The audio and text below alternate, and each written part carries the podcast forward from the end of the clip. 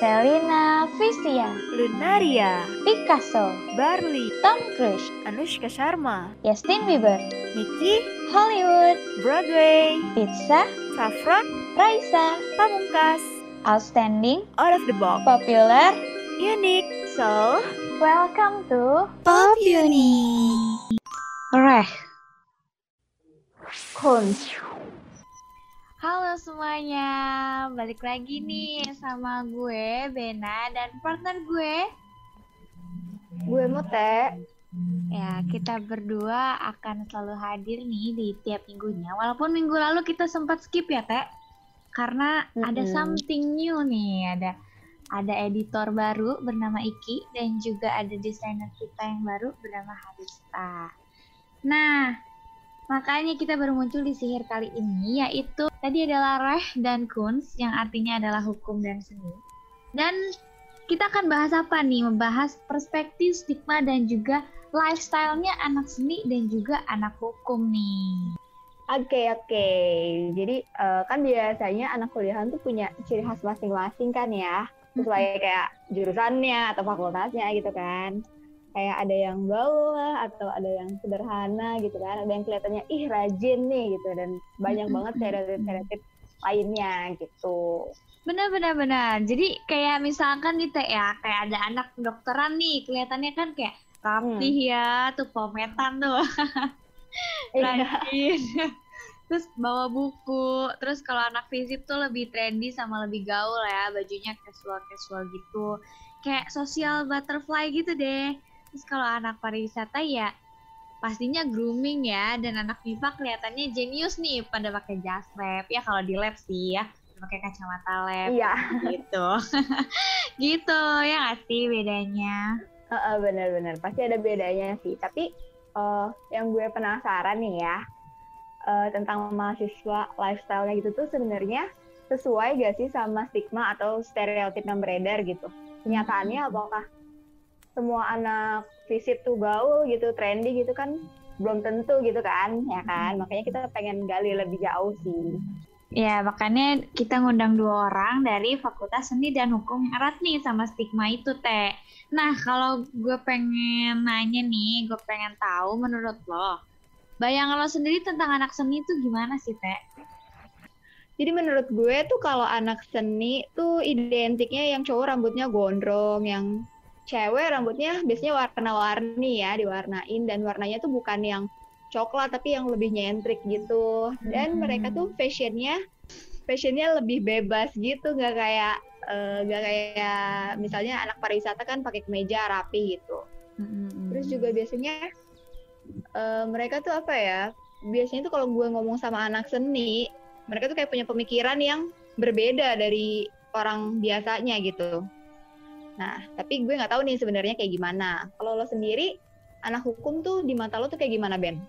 Oke, itu kan tadi pandangan lo anak seni. Kalau gue nih pandangan anak hukum, menurut gue mereka tuh pasti dandanannya hedon. Gimana sih maksudnya? Iya kelihatan borju-borju gitu loh teh anak-anak hukum tuh. Entah karena memang Iya, iya. Nanti menghasilkan banyak uang, jadi mereka itu dandanannya borju atau emang mereka udah kaya dari lahir gue nggak tahu ya.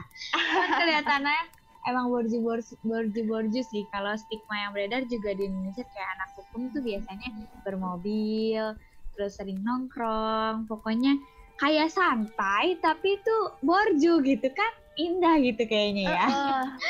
nah makanya iya, benar-benar. Makanya gue pengen tahu nih apakah benar seindah itu gitu anak-anak hukum tuh hidupnya atau ada struggle juga nih di baliknya dan gimana cara ngadepin stigma yang emang beredar apakah emang bener gue begitu gitu atau enggak gitu sebenarnya. Oke, nah Teh, buat buktiin nih kebenaran anggapan masyarakat kita, kita langsung undang langsung aja ya langsung kita hari ini. Yuk, kita panggil ada dua seperti biasa. Ya, yang pertama kita panggil dulu nih dari Mas Oyan. Eh, halo Mas Oyan. Halo, Halo, halo. Oyan. Halo, uh, kenalkan saya Oyan dari Institut Seni Indonesia Yogyakarta. Wow, mantap ya. Oh, Jauh dari isi ya. Iya, dari ISI. isi ya. Eh, fakultasnya apa, Mas Oyan? Uh, aku fakultasnya itu desain, jurusannya itu desain interior. Oke. Oh. oke. Jadi betul betul. Jadi ada ilmunya gitu ya di bikin ruangan tuh nggak sembarangan. Nanti kita perdalam lagi ya.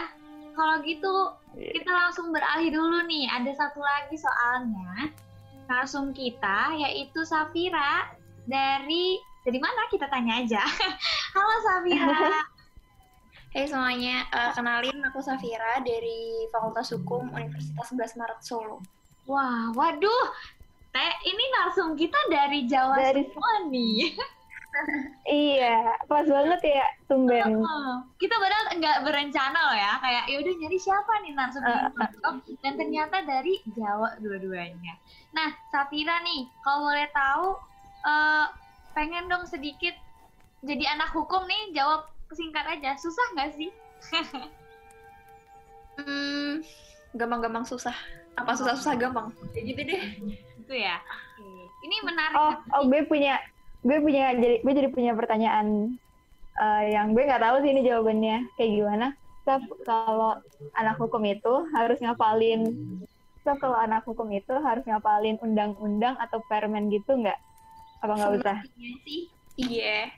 Jadi kayak ya seharusnya sih iya ya. Karena kan gimana lagi kita juga ngomonginnya pasti hukum jadi ya harus tahu dasar hukumnya, harus tahu peraturannya. Cuman ya realitasnya ya ya maaf ya belum Oke oke. Oke. Nah, oke. Teh, nih Teh, daripada kita basa-basinya kepanjangan nih kan udah terlalu kepo di awal, mending kita langsung lanjut aja Mhm. yuk ke segmen 2 di mana kita bakal nanya-nanya nih Oke. lebih lagi. Lanjut. Oke, guys, seperti biasa, gue lagi yang nutup, gue juga yang eh, buka segmen 2 ya daftarnya. Iyalah. Oke oke. Nah kalau gitu gue pengen nanya nih pertanyaan pertama. Gue pengen mundur dulu dari sebelum lo berdua masuk kuliah nih. Yang lo pikirin tentang anak hukum atau seni itu kayak gimana? Nah gue pengen mulai dari Safira dulu deh. Safira, menurut lo waktu lo sebelum jadi mahasiswa hukum, lo melihat anak hukum itu apa ekspektasi lo? jujur waktu masih SMA waktu masih kayak ya di titik mau kuliah di mana tuh mendang anak hukum tuh kayak anak yang hedon ngerti gak sih yang Oh iya. Hmm, Tajir ya? Iya, iya. bener-bener Borju, kayak borju. Hmm. ya kayak gitu yang gaul sana sini nongkrong sana sini gitu Hmm. dan di titik itu pula aku kayak ngasih sumpah ke diriku sendiri kayak yang sumpah demi Allah aku nggak bakal masuk hukum amit-amit aku masuk hukum Oh, ya karena karena eh, kalau kita perlebar ke stigma masyarakat ya kayak eh, di angkatan ya waktu masuk sekolah tuh kayak pasti ada kayak gini eh, hukum mah cadangan semua orang kayak gitu cadangan semua umat semua umat yang nggak mau iya. terima di mana pun pasti masuknya ke hukum kayak gitu jadi kayak oh. Iya iya iya. iya. itu sih jadi kayak sebenarnya anti masuk hukum awalnya Hmm. Hmm, Tapi- terus gimana tuh bisa jadi eh, malah jadi hukum gitu sekarang? ya bener balik lagi bener kata orang. Jadi kayak sebenarnya aku SMA tuh IPA nih. Tapi pengen lintas jurusan ke soshum. Wow. pengennya namanya akuntansi atau ekonomi gitu kan. Iya. dan waktu itu kayak gegayaan banget daftarnya UGM semua kayak aduh aku nggak mau yang lainnya gitu. Iya. terus ya udah. Oh.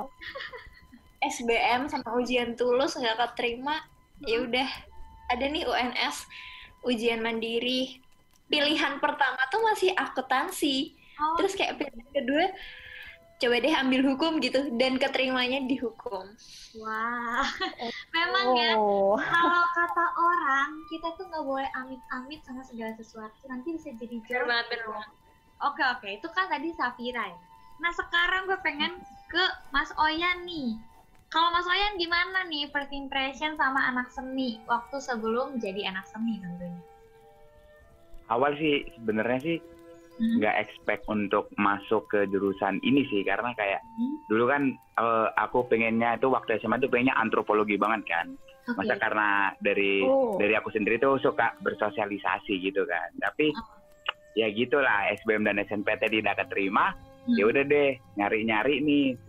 Hmm, berhubung saya suka gambar juga kan, hmm. carilah uh, kuliah yang bisa, maksudnya tuh yang bisa tanpa, maksudnya tesnya itu nggak SBM SNPT lagi lah berhubung hmm. isi itu waktu waktu itu tesnya cuma ada mandiri doang uh-huh. jadi tesnya tuh langsung nggak uh-huh. pakai kayak saintek dan sosum gitu dia oh. di situ langsung tes tesnya tuh langsung gambar sama wawancara aja gitu jadi sesuai minat bakat kita misalnya uh, kan diisi kan banyak nih jurusannya kan yeah. nggak ada seni tari ada seni pertunjukan fotografi di eh, seni rupa desain dan lain-lain kan banyak tuh ya itu langsung di hmm. tesnya tuh ya langsung apa yang kita minat aja lah itu hmm. yaudah deh daftar kan daftar iseng pertama karena aku sebelumnya udah kuliah dulu kan jadi kayak mundur oh. tahun gitu ceritanya hmm. mundur tahun hmm.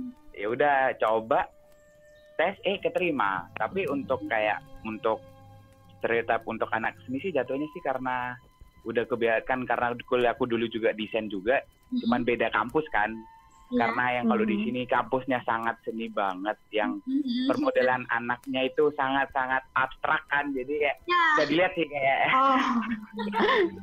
jadi kayak kan ada ada stigmanya nih, huh? anak sini selalu gondrong. Sebenarnya sih gondrong ya. tuh pilihan sih jatuhnya. iya ya, pilihan hidup ya. Nah, pilihan karena kan sebenarnya bukan hmm. anak sendiri doang yang iya. panjang gitu sebenarnya banyak oh, kan. Iya. Iya benar. Setuju. Soalnya anak ikom juga kita kan ikom nih. Banyak kok yang gondrong dan kelihatan kayak anak seni tapi memang bukan seni doang yang gondrong. Gondrong itu hak semua manusia ya Mas Ayan ya. Iya bener sih karena kayak mungkin coba-coba kan setelah eh, kita eh, apa sekolah dari kelas 1 sampai kelas SMA itu kayak nggak pernah gondrong kan selalu potong oh, pendek uh, uh. waktu kuliah. Harus rapi. gondrong gitu gitu ya. Uh, kayak gitu. Iya betul jadi kayak oke oke oke. Terus um, jadi gini ya berarti kalau bisa gue simpulin uh, Safira sama Mas Oyan tuh punya kisah yang rada mirip nih. Nggak expect masuk ke jurusan yang sekarang dan punya stigma yang sama juga nih kayak orang-orang sebelumnya tapi pas di dalam hmm. nah nggak tahu deh gimana tuh teh? Nah nah itulah pertanyaan gue. Yeah. nah jadi nah jadi gue tuh uh, penasaran gitu kan sama orang-orang yang stigma di masyarakat tuh kayak gitu. Dan kayak hampir semua orang berpikiran yang sama tentang anak hukum tentang anak seni. Nah gue pengen nanya nih ke kalian berdua. Uh, setelah kalian masuk tuh sebenarnya sama atau enggak sih? Atau itu tuh cuma stigma masyarakat dalamnya tuh ternyata sebaliknya gitu. Bisa diceritain nggak uh, dari uh, Mas Oyan dulu kali ya? Tadi kan Safira udah duluan nih. Sekarang Mas Oyan ceritain gimana keadaan sebenarnya di sana. Keadaan kampus. Kalau keadaan kampus kan karena kita kampus seni kan lebih banyak praktek kan. Jadi kayak makanya kita ini kayak beda dari yang lain tuh karena kayak baju kan kita lebih banyak praktek kan. Jadi nggak nggak jarang pakai kemeja karena kan itu sangat menghambat kita bekerja kan. Jadi kayak lebih banyak pakai kaos karena kan kita praktek langsung kan. Misalnya kayak kita ada nih jurusan seni patung ya kali buat patung pakai kemeja kan nggak nggak enak banget gitu kan.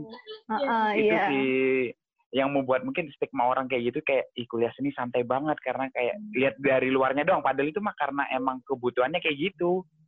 Iya, mungkin karena lingkungan kitanya juga nggak mendukung gitu kan. Kalau di seni emang bener-bener diberi kebebasan gitu ya dan emang sesuai juga sama uh, apa yang mereka lakuin di sana. Kan kalau kita komunikasi kita jadi public relation tapi baju kita uh, macem-macem gitu kan nggak nggak enak juga dilihatnya kan Ben? Nggak nyambung maksudnya ya? Jadi kayak kurang pada uh, tempatnya. Tapi gue ada sih yeah. begitu ya. Memang menyenangkan lah lihat anak seni itu. Nah terus nih gue pengen nanya lagi nih. Terus uh, gue pengen nanya dulu sama Mas Oyan sekarang okay. kan tadi Mas uh, Mas Oyan tuh ternyata stigma masyarakat sama jadi sebenarnya di kampus tuh sama, cuma ada alasannya yang biasanya orang banyak tuh nggak ketahui kan. Nah kalau Safira di anak hukum sebenarnya sama nggak sih stigma masyarakat sama uh, yang realita di kampusnya, Saf? Uh, kalau kataku sih emosi, hampir hampir ya, ya emang gitu kehidupannya gitu. Kayak ya ya emang gitu aslinya. Ya mungkin karena anak hukum uh, mayoritas sepandangan aku ya untuk menilai kehidupan lingkunganku teman-temanku itu mayoritas anaknya menengah ke atas. Ya beragam sih ya. ada yang menengah ya cuman lebih didominasi sama mayoritas ke atas. Dan juga kalau kuliah hukum tuh sebanyak-banyaknya tugas hukum. Nggak nggak sebanyak tugas teknik tugas anak di kafe atau semacamnya gitu loh. Jadi masih punya banyak peluang hmm. banyak waktu luang gitu kan. Kalau dari kehidupan sehari-hari di kampus ya ya benar juga nih. Menarik ya teh. Gue pengen kalau... kayaknya punya waktu luang banyak. Universitas juga sih. Mungkin ada anak hukum yang sibuk banget yang suruh buat jurnal dan lain-lain. Tapi ya benar-benar. Kayak udah teh. Tapi eh Mana tapi gue tuh pernah uh, pernah dengar ya kenapa orang-orang hukum tuh terkesan apa uh, apa sih kelihatannya hedon-hedon borju-borju maksudnya penampilan stylenya tuh yang necis gitu karena katanya yang gue dengar ya kalau misalnya pengacara kayak gitu tuh lebih dipercaya gitu sama kliennya bener nggak sih Saf? Atau lo pernah dengar omongan kayak gitu nggak Gaf? Uh, sorry sorry pengacara lebih di apa? Kayak pengacara jadi lebih dipercaya gitu sama kliennya kalau misalnya mereka hmm. emang gitu deh kayak hedon gitu. Maksudnya kelihatan kelihatan rapih lah. Iya ya bener sih. Maksudnya uh, pengacara tuh kayak dilihat dari looksnya dulu gitu. Kayak yang ini orang meyakinkan nggak ya? Mungkin orang-orang kayak gitu kan. Uh, terus untuk dari pengacara sendiri untuk mencari klien menurut aku juga butuh apa ya butuh lingkungan yang jadi sasarannya dia kasarannya kayak gitu gimana pasarnya bukan sih jadi kayak target pasarnya mungkin kalau looksnya misalkan kayak siapa teh yang pengacara terkenal tuh yang tajir Hotman Paris. Ah, kayak Hotman Paris. Jadi kan dia targetnya orang-orang kaya karena dianya sendiri looksnya sudah seperti itu gitu nggak sih, Sal? Iya, ya bisa jadi kayak gitu sih. Jadi kayak dia menentukan looksnya ya untuk mencari pasarannya dia tuh ke mana gitu. Mungkin ya. oh. ya. Mungkin sih. Gitu sih menurut aku. Uh, boleh namain iya. nggak ya. nih? Boleh dong. Oh, iya, boleh boleh. Silahkan silakan.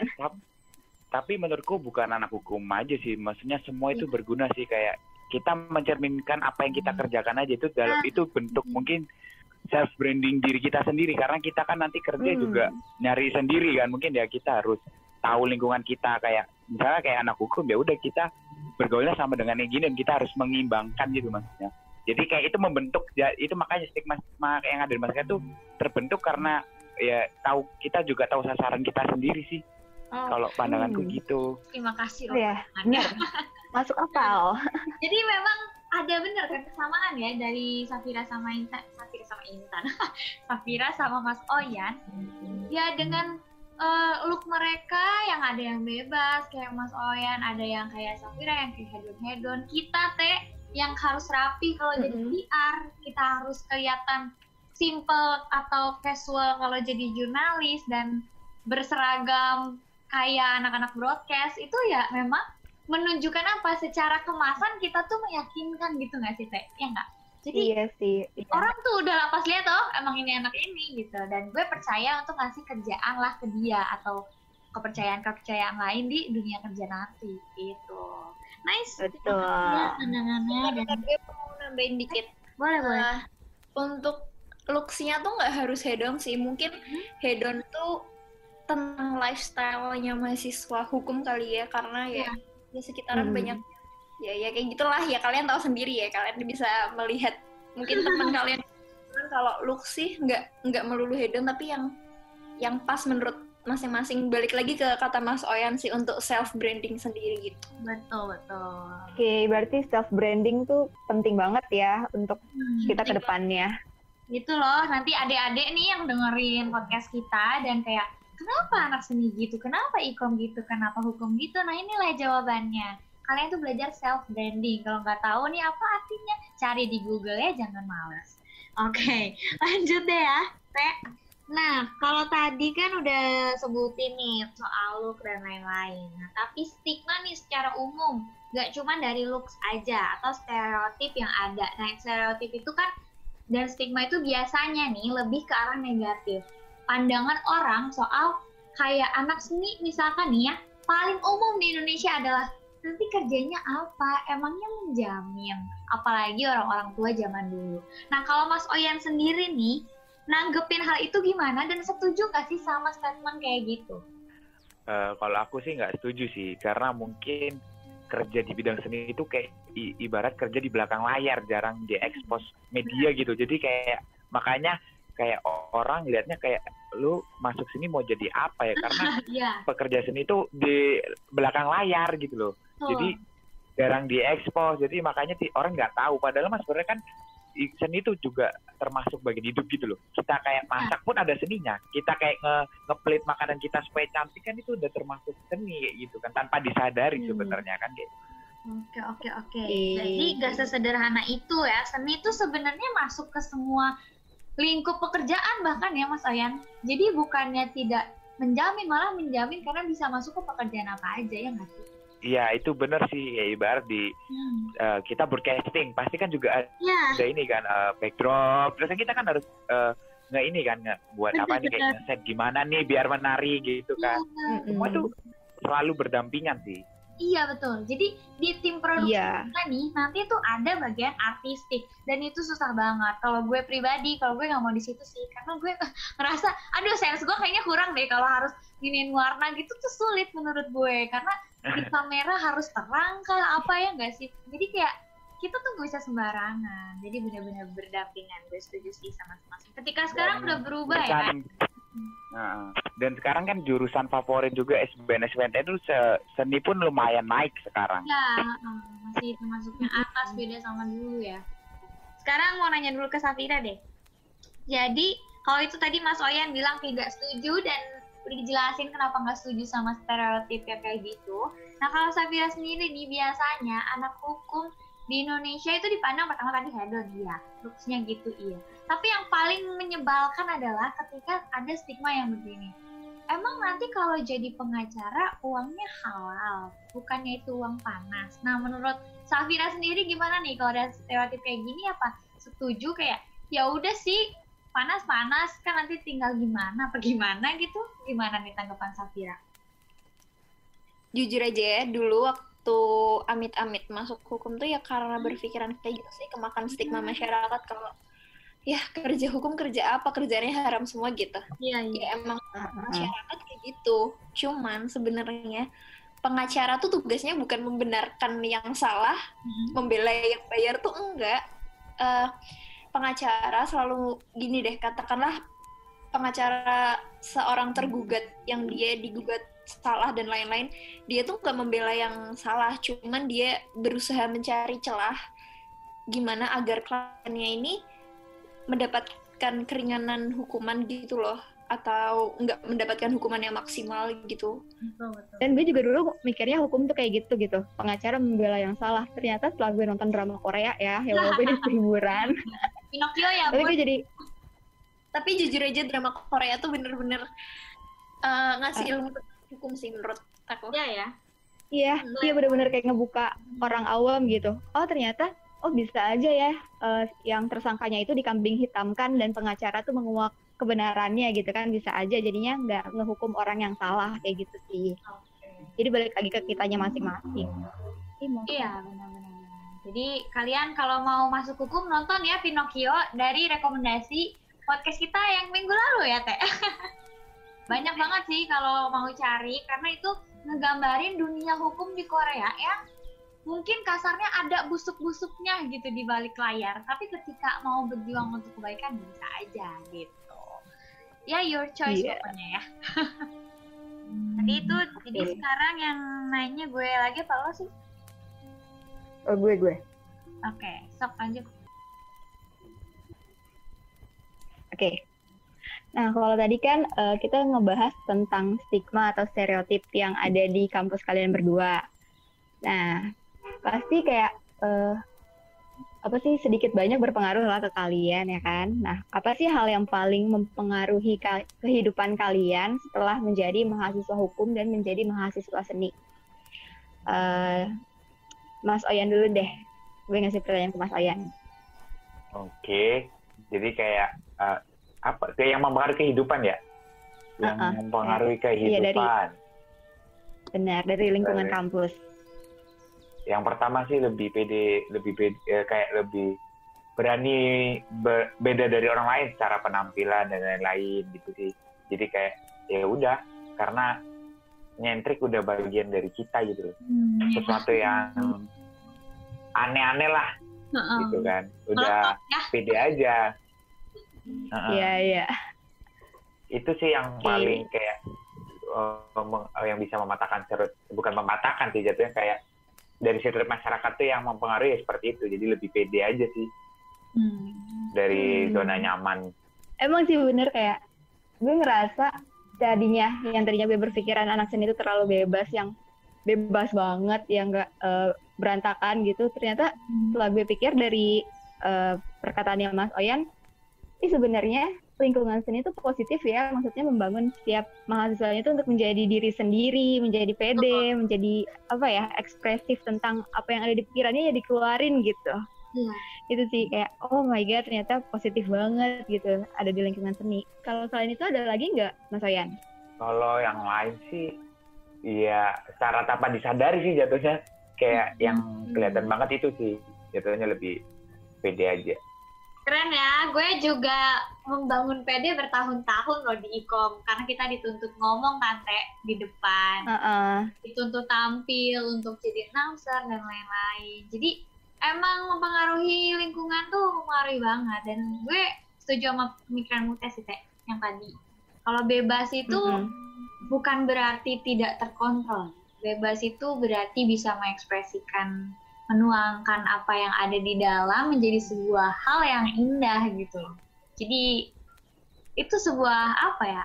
Sebuah anugerah juga ya untuk anak-anak uh. lo tuh kalian tuh kuliah terikat suatu tanggung jawab tapi kalian dikasih kebebasan. Itu suatu apa ya privilege menurut gue. Mm -mm, iya benar. Soalnya kalau yang gue lihat misalnya nih kayak kita kita juga dituntut dituntut untuk pede kan buat ngomong buat tampil gitu kan. Tapi di sisi lain tuh karena kita ilmu komunikasi muncul communication apprehension di mahasiswa ilmu komunikasinya sendiri gitu. Jadi ada ketakutan ih gimana kalau gue nggak bisa? gitu kan tapi kalau di sini tuh kayak berbeda tuh ya keunikan gitu. Jadi nggak ada standar yang oh harus segini oh harus segini gitu. Kalau yang gue lihat sih. Gitu nggak sih Ben? Betul betul. Setuju setuju. Jadi stigma itu yang tadi yang jelek-jelek sebenarnya ketika kita di dalam kita bisa ubah jadi hal yang positif justru ya teh. Mm -mm. iya benar. Aku mau nanya dong kalian. Boleh boleh Ayo, boleh boleh. Boleh ya, boleh boleh. boleh boleh ya banget sih sebenarnya uh, anak-anak seni kan mayoritas ya udah mereka dibentuk dengan lingkungan untuk berekspresi tentang looksnya gitu. Tapi di sisi lain anak seni sendiri masih ini sih masih dengerin omong omongan orang gak sih? Kan pasti ada tuh di sekitar sekitar omongan orang yang misal kayak yang wih gila anak seni banget nih gitu. Atau ya kadang kalau misalnya emang berpenampilan unik kan kadang suka jadi sorotan jadi diliatinnya kebangetan nih gitu. Masih mikirin tentang hal kayak gitu kayak gitu nggak sih? Atau ya udah pede aja gitu? I, uh, kalau dari aku sih sekarang kayak ya udah pede aja gitu. Kayak semakin orang banyak tertarik kayak kayak ngelihat kita kayak kok nyentrik sekali. Itu menurutku kayak ya udah itu sebuah ya makanya kembali lagi kayak branding kita. Nanti orang kan pasti kepo kan kayak ini siapa sih kok dandanannya seperti ini? Gitu kan. Pasti nanti nyari nyari nyari terus jadi orang jadi tahu kita tuh siapa gitu kan. Berarti self confidence-nya udah bener-bener tertata banget. Iya iya. Setuju setuju sama pertanyaan Safira ya. Gue juga kepo apa apa pandangan orang masih sedikit didengerin lah sedikit banyak. Tapi yeah. karena emang dituntut terbiasa karena kita bisa karena terbiasa ya. Jadi terbiasa begitu ya udah Iya gitu. makanya kalau misalnya kita yang berpenampilan nyentrik gitu kan pasti kayak nggak pede gitu apalagi kalau nah. dilihatin orang kayak gitu, oh pasti gitu ya pasti gitu iya iya apalagi perempuan tuh tapi ya kita juga tahu kita tuh juga tahu tempat gitu kayak kita nyentrik ya tahu masa acara formal kita pakai nah. nyentrik kan juga nggak mungkin nah. gitu kan oh, mungkin iya, iya.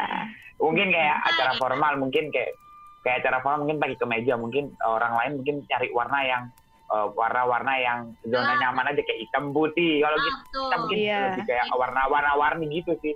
tapi tahu juga kayak tahu tempatnya gitu nggak asal gitu sih jadinya kan juga awkward Iya. gitu nanti Karena kan Iya, iya. ya, jadi harus tetap indah nggak sih Mas Oyan?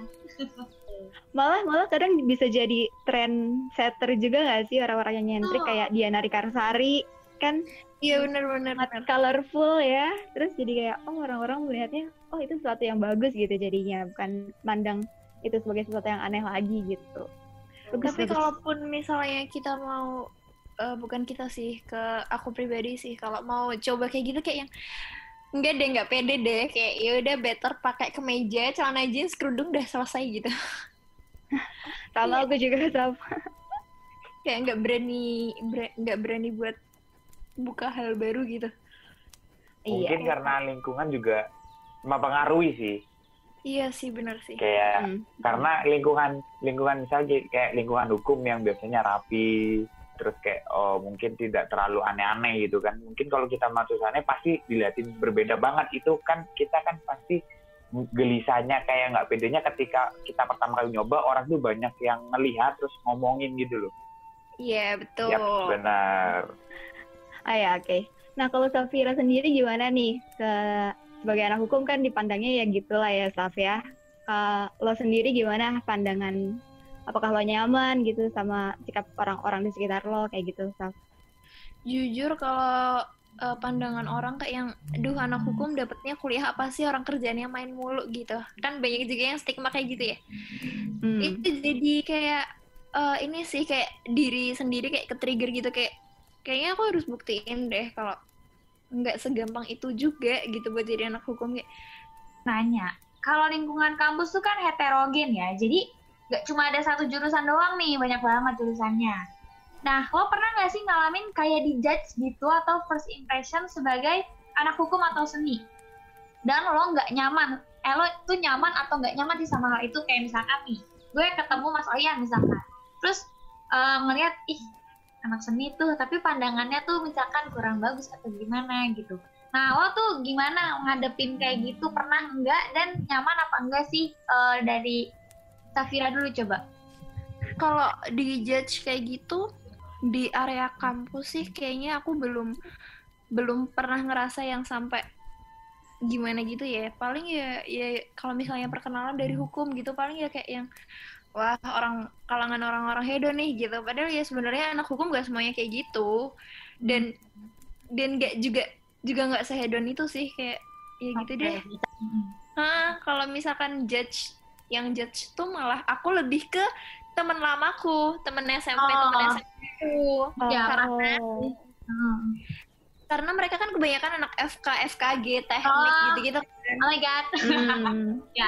Oh. Karena aku SMA kan juga IPA gitu. Jadi Ya, kayak ya udah karena teman-temanku yang kuliahnya kalau nggak ngelembur nggak oke gitu. yang harus ada yang ada asistensi, harus ada kayak gitu kayak gitu. Nah, sedangkan aku kan kayak kuliahnya bener-bener jamnya tuh kayak misalnya eh, jamnya tuh nggak sebanyak mereka gitu loh banyak waktu Ya, luangnya jadi kayak bebas ya. Nah, jadi kayak waktu aku buat main tuh bener-bener banyak banget. Bahkan kalau misalkan jam pertama kuliah nih, jam selanjutnya nggak ada dosen, aku tuh tipikal yang apa kayak eh, gabut nih Jogja yuk gitu. Ya udah beneran langsung ke Jogja gitu. Wah, jadi seru banget. Hmm. dan aku sering kayak update gitu loh. Jadi orang-orang ngelihatnya kayak yang sebenarnya kuliah nggak sih gitu. Sebenarnya kuliah nggak sih kok Iya, main terus gitu kayak sirik aja lo gitu ya. gitu ya. yang kehidupan kehidupan yang di sosial media kan padahal nggak ada seberapanya sama Ya, kehidupan setuju. real life gitu loh. Benar-benar. Setuju, setuju. Kita update yang senang-senang aja, Bun. Mohon maaf, masa kita update Iya, nangis-nangis makanya. gitu kan? Iya bener bener. Misalnya eh, waktu awal-awal lulus kayak semester 3, semester 4 gitulah kan masih sering nih kayak kumpul reuni sama teman-teman lama gitu kayak yang cerita Nah. tentang kuliah. Ntar kalau begitu bagian aku nih kayak yang ah Safira mah main mulu kayak gitu kayak ah sih gitu tapi kan ya ada porsi kuliahnya cuman ya mungkin nggak kelihatan aja. Setuju ya, gue juga sama soalnya Saf. Kita sama. Tipe anak-anak dianggapnya ah komunikasi dong. Ah Uh, uh. doang kayaknya nggak ada tugas. Wah bisa bisanya kerjain ini tugas gue gitu kan. Tapi emang kalau gue main sosmed ya gue upload gue lagi main lah. Masa gue lagi nugas nugas gitu. kadang kalau ada tugas juga bakal kita kerjain gitu. Ya, ya walaupun Makanya kadang kita kerjainnya naik ya Sal kalau kagak ya gak dikerjain ya, ya oke. Lucu ya ngomong orang-orang kadang dasar orang-orang sirik itu namanya Oke, kenapa gue jadi julid? Nah, sekarang lanjut ke uh, Mas Oyan. Nah, tadi gue nanya tuh, kalau Safira kayak gitu, kalau lo sendiri gimana nih Mas Oyan? Dengan ngadepin uh, judge dan nyaman gak sih kalau di judge kayak gitu apa udah kayak yang bodoh amat? Untuk di lingkungan kampus sih karena kampusku nggak jurusannya sendiri semua jadi nggak ada iya. sih judge ngejudge iya, gitu sih. Oh iya ya. Bener. Nggak ada ya gitu. Nggak ada. Jadi tidak berlaku sih ya oh iya benar. Nggak kayak kayak hewan aja nggak sih? Ya sesama ular nggak bakal saling ribut. Kalau ada harimau kan mereka akan gigit gigitan tapi serunya kuliah di sini itu apalagi diisi ya? Kayak di tiap uas tuh selalu banyak penampilan gitu. Kayak oh. kayak ada konser. Jadi kan kayak misalnya anak musik nih. Jadi kan dia uas harus konser jadi kita nanti bisa nonton konser kalau nanti yang seni lukis buat pameran oh, iya. iya kayak gitu sih asiknya kayak gitu sih tapi kalau seperti pertanyaan tadi sih nggak berlaku sih kayaknya di di yeah. di, di, di, hmm. di lingkungan kampusku karena oh. basicnya eh basicnya kan semua udah seni jadi nggak ada perbedaan gitu aku keselnya itu cuman ketika ketika ini aja sih kayak di orang luar gitu loh lalu kuliah seni aja oh, iya. gampang ya. gitu tapi padahal kan menurutku semua kuliah itu susah gitu loh. Bener. Bagi kalau menurutku hmm, kalau bener kan nggak ada. Tiap iya, tiap jurusan tuh iya. memiliki kesusahan sendiri. Cuman apalagi Betul. kalau kuliah seni itu kan nggak ada jawaban yang pasti. Ibarat nah. nih kalau kayak anak hukum, hmm. misalnya pasal kan udah valid gitu kan. Kalau kita kan hmm. upas nih, ya kita cara ngerjainnya tuh harus pakai mood dulu biar enak, biar tahu ada ide, ada inspirasi kan dari mood gitu. Hmm. Jadi jatuhnya sama aja susah gitu loh. Iya susah bener. bener, bener. Nyari moodnya itu tuh lama. Apalagi kan kadang aku kangen gitu kayak hmm. kayak SMA gitu misalnya kita matematika ada rumusnya gitu loh uas tuh yang misal kita uas iya, nih yeah, yeah. dapat ujian ya. ah, ah, ah, jawabannya yeah, yeah. udah pasti udah pasti udah valid hmm. jadi nggak ada nggak ada kayak harusnya mikir dulu kayak nyari inspirasi dulu kan inspirasi kan berhubungan dengan mood kan kalau mood kita jelek ya mungkin kita bakal bete hmm nggak hal ngerjain iya benar setuju banget setuju banget bener Iya kan, can relate banget karena kita semua ini anak uh, uh. soshum ya semuanya. Anak sosial. Uh, Jadi kita jujur aja, jujur aja uh, setuju kata Mas Oyan kayak kuliah tuh nggak ada yang gampang gitu, semua oh. punya porsi susah masing-masing. Uh, uh. Ini temen kalau datang yang Saf tolong kerjain dong kayak yang tuh kan gitu loh. Iya. Hmm, bener, gak boleh ngeremehin ya. ya bener banget, jangan ini lebih gampang. Allah mah gampang. Lagi kan kita juga kayak beda kampus pun misalnya kita sama-sama misalnya sama-sama hukum nih beda kampus aja beda tugas gitu kan. Apa beda kurikulum kan juga beda. Nggak nggak bisa ngejar bisa mm -hmm. ratain gitu loh. Iya benar kayak gitu sih. Jadi kayak nggak nggak bisa disamain. Karena kan kita sama-sama ilkom tapi kampus kita beda kurikulum kita beda pun beda yang dikerjakan gitu. Betul. Hmm. ya benar sih. Jadi sebenarnya emang nggak ada hal yang baku ya. Susah tidak itu pandangan orang masing-masing. Punya kesusahan sendiri punya kemudahan sendiri. Dan itu dia tujuan podcast kita juga ya teh. Jadi berdasarkan -hmm. yang pop atau yang unik nah kalau di sini mungkin yang pop itu hukumnya ya. Kalau yang unik itu dari anak seninya dan dua-duanya sama-sama punya pantangan, kesulitan, stereotip dan juga punya cara sendiri untuk ngadepinnya. Tapi yang paling keren adalah semua orang yang bisa menyelesaikan kuliahnya tentunya karena struggle-nya itu kan masing-masing. Di dalamnya terserah ya mau bagusnya kayak gimana, mau susahnya gimana, tapi ketika seorang itu lulus makanya ada graduation perayaan karena mereka udah ngelewatin struggle-nya gitu loh. Jadi semua itu tidak ada yang gampang kata Mas Oyen ya. Benar benar benar. Apalagi kayak bagus itu relatif, bagus di aku belum tentu bagus di kalian ya, gitu kan. Jadi iya nggak ya, boleh nggak boleh ngejat gitu aja. Kalian bertoleransi aja lah. Benar. Kita punya ya. kita punya kesulitan sendiri sendiri. Ya. Apalagi kayak kayak menyambung dari Safira bilang kayak anak hukum main mulu update update snapgram main sana sini ya itu ya masa kita mau update kesedihan kita kayak aku lagi stres ngerjain tugas di snapgram itu orang juga nggak butuh opini kayak gitu gitu loh. ya kita kan membagi kebahagiaan uh -uh. aja. Jujur sih dari ini hmm. berarti dapat disimpulkan kalau kuliah seni itu bisa jadi sesusah itu karena bagus ya relatif. Iya memang memang. Ini ya erat banget kaitannya sama perspektif sama preferensi nih. Hmm. tapi Iya benar, apa kayak sangat berdekatan aja sih kayak tiap orang kan punya kesukaannya masing-masing itu juga mengaruhi gaya yang apa karya yang dihasilkan mereka sih gitu. Ah benar. Ngomong-ngomong tentang perspektif nih, gimana sih perspektif kalian tentang hukum dan seni setelah uh, kalian masuk gitu uh, dari hukum dulu kali ya dari Safira. Gimana sih perspektif lo setelah masuk Saf? Uh, perspektif aku setelah masuk ke hukum tuh ya kayak ya jujur aja dulu waktu emang sebelum masuk kuliah kan emang aku kelas main banget gitu orangnya. Kayak ya udah melihat hukum tuh semua pekerjaan hukum adalah haram gitu. Tapi setelah masuk ya ternyata nggak kayak gitu. Ya ngebuka ngebuka pikiranku lagi sih. Dan hukum tuh juga nggak se se se seburuk itu. Dari penilaian orang tuh juga enggak sebenarnya.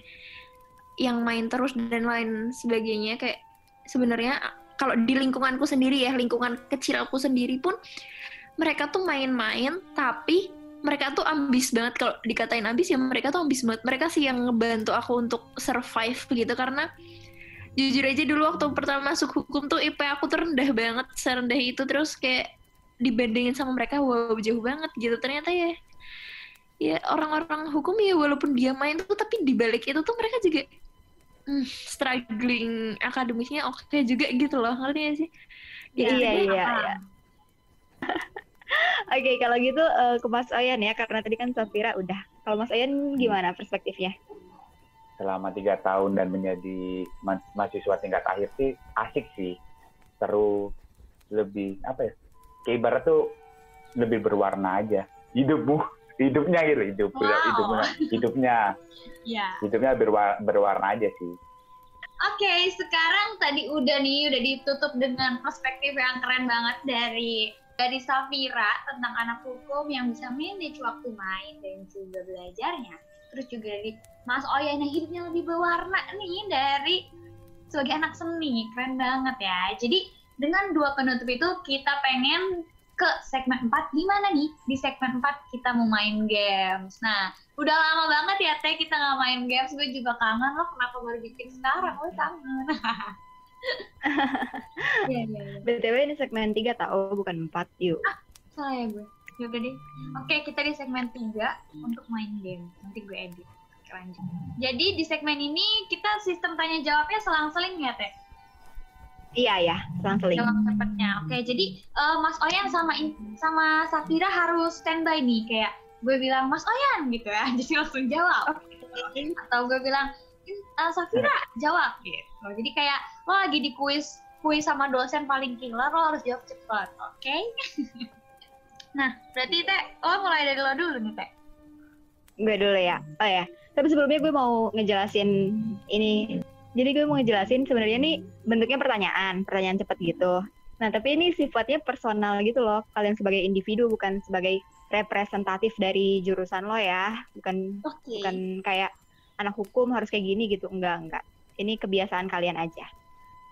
Oke, okay, oke. Okay. Pertanyaan pertama. Mas Oyan, kalau nugas maunya di kafe, perpus, kosan atau koridor?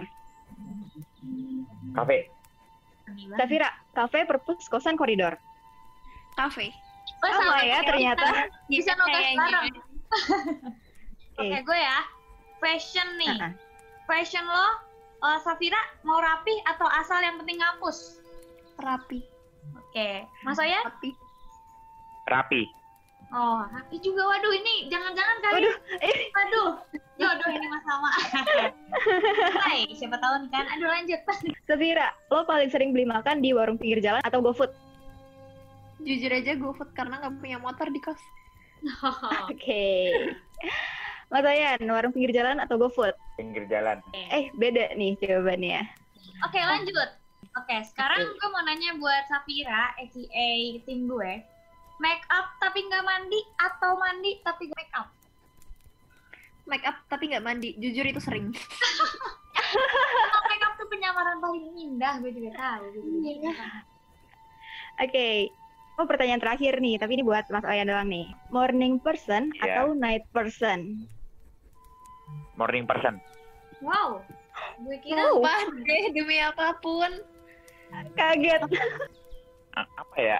Karena aku udah menata hidup kayak aku harus bangun pagi karena kalau aku bangun siang banyak hal yang tertinggalkan sih. Iya iya iya. Hmm.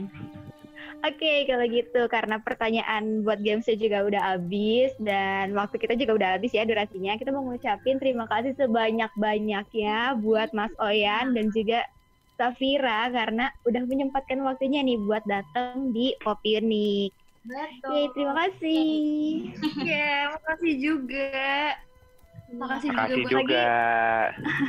Kalian harus terus dengerin minggu depan ya, Teh. Di mana akan selalu ada hal-hal baru dan menarik dari sihir-sihir kita. Nah, sekarang di segmen 4 seperti biasa, gue pengen menutup uh, sihir kali ini tentunya dengan rangkuman dari awal sampai akhir tadi nih. Yang pertama, tadi tuh kita udah ngomong, udah kenalan dulu nih secara mendalam ya. Kenapa sih dulu tuh mereka gimana mandang jurusan mereka sendiri? mandang anak-anak seni itu gimana, mandang anak-anak hukum gimana, dan gimana stereotip atau stigma yang ada di masyarakat untuk mereka. Gimana sih tanggapan mereka tuh? Apakah mereka lebih ke apa namanya? Apa mereka lebih ke nerima aja nih? Atau mereka enggak? Mereka membantah nih sama apa uh, fakta yang ada dan ternyata mereka ngebantah ya stigma-stigma itu. Ketika memang kalian ada di dalamnya, kalian akan merasakan bahwa oh ternyata ada kok hal-hal positif yang gue juga sebenarnya bakal senang banget dapetin itu di tempat-tempat yang gak gue duga sama kayak dua narasumber kita yang tadinya ada juga nih stigma nggak mau nih awalnya atau nggak expect masuk situ tapi pas masuk situ ternyata memang wow sangat mengubah dunia mereka gitu ya. Dari juga sempat ditanya nih soal perspektif di akhir dan ditutup dengan manis tentunya dengan dua narasumber kita. Yang pertama katanya Safira, kalau bisa manage waktu nih, katanya santai, borju dan lain-lain. Oke, okay, itunya iya, itunya menyenangkan. Tapi dibaliknya juga sama kok struggle-nya. Kayak seluruh mahasiswa Indonesia dan di dunia bahkan punya tugas dan struggle masing-masing yang mungkin nih kalian orang-orang yang judgement itu belum tentu bisa jalani. Jadi nggak usah judgement-judgement ya mulai sekarang karena mau pop ataupun mau unik itu dua-duanya punya value sendiri, punya susah sendiri, punya lebih kurang sendiri dan dinikmatin aja saling menghargai.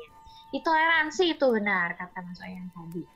Nah ya udah, terus sekarang uh, bisa diambil banget ya teh kalau mereka berdua nih punya value yang menarik ya teh. Untuk kita iya benar. dan kita resapin gitu ke kehidupan kita. Bahkan kita banyak juga ketampar ya sebagai anak ikom juga punya stigma sendiri ya nggak teh? Iya benar. Dan uh, ternyata jadi ngebuka uh, apa ya ngebuka wawasan kita lagi kalau semuanya tuh belum tentu sama juga sama stigma itu. Kayak misalnya anak seni kan biasanya yang gue tahu kayak lebih night person kan, lebih inspirasinya tuh lebih dapat yeah. pas malam. Tapi ternyata Mas Oyan enggak Bisa. gitu. Iya iya. Ya kan? Bener bener bener. Terus juga anak hukum enggak seborju-borju itu. Kalau borju ketika mm -hmm. ketika lo udah kerja dan lo bisa nabung, bisa manage uang-uang lo untuk hal-hal yang terlihat borju buat orang lain tapi menjadi kebiasaan buat lo. Wah mantap tuh ya, kayak Hotman Paris gitu. Cita-cita para pengacara untuk menjadi kayak Hotman Paris sih kekayaannya dirasa. Tapi tetap di jalur oh, iya. yang benar ya teman-teman. Karena kalian itu para penegak hukum yang harusnya membela kebenaran gitu, bukan sebaliknya. Jadi hmm. harus disimak baik-baik nih, ditanamkan di otak kalian semua, di otak dan di hati kalian, diukir kalau perlu. Apalagi buat dede-dede yang baru mau masuk kampus nih, kalian harus tahu ada struggle di setiap jurusan jadi nggak usah takut. Ambil jurusan apa pun tapi yang penting kalian mau komit jalanin sampai akhir. Ya kan teh? Um, betul. Setuju setuju. Oke, okay, oke. Okay. karena bahasan kita juga udah habis, jadi kita udahi dulu nih podcast hari ini. Tapi yang pasti sih minggu depan kita bakal balik lagi dengan bahasan yang pastinya seru, pastinya insightful, recommendful. Apa sih recommendful? Pokoknya bisa kasih rekomendasi. Iya, iya, iya. Oke, okay, karena minggu depan kita bakal mirip nih sama episode-episode awal. Kita bakal bahas film-film yang romcom nih spesifik nih romcom tapi yang overrated sama yang underrated gitu. Oh, jadi tunggu aja nih tim overrated dan underrated dari film yang akan kita rekomendasi dan pastinya kalian bakal sama mind blowingnya kayak waktu awal tuh gue inget banget pertama kali kita membuat podcast ini adalah dengan hmm. menyarankan film karena itu kesukaan kita juga ya teh iya betul oke deh kalau gitu gue Mute dan partner gue Bena tentunya. Kalau gitu sampai di sini dulu pertemuan kita. Sampai ketemu minggu depan. Bye bye. Bye bye. Hope unique. The magic between the taste. Y yo soy Katia.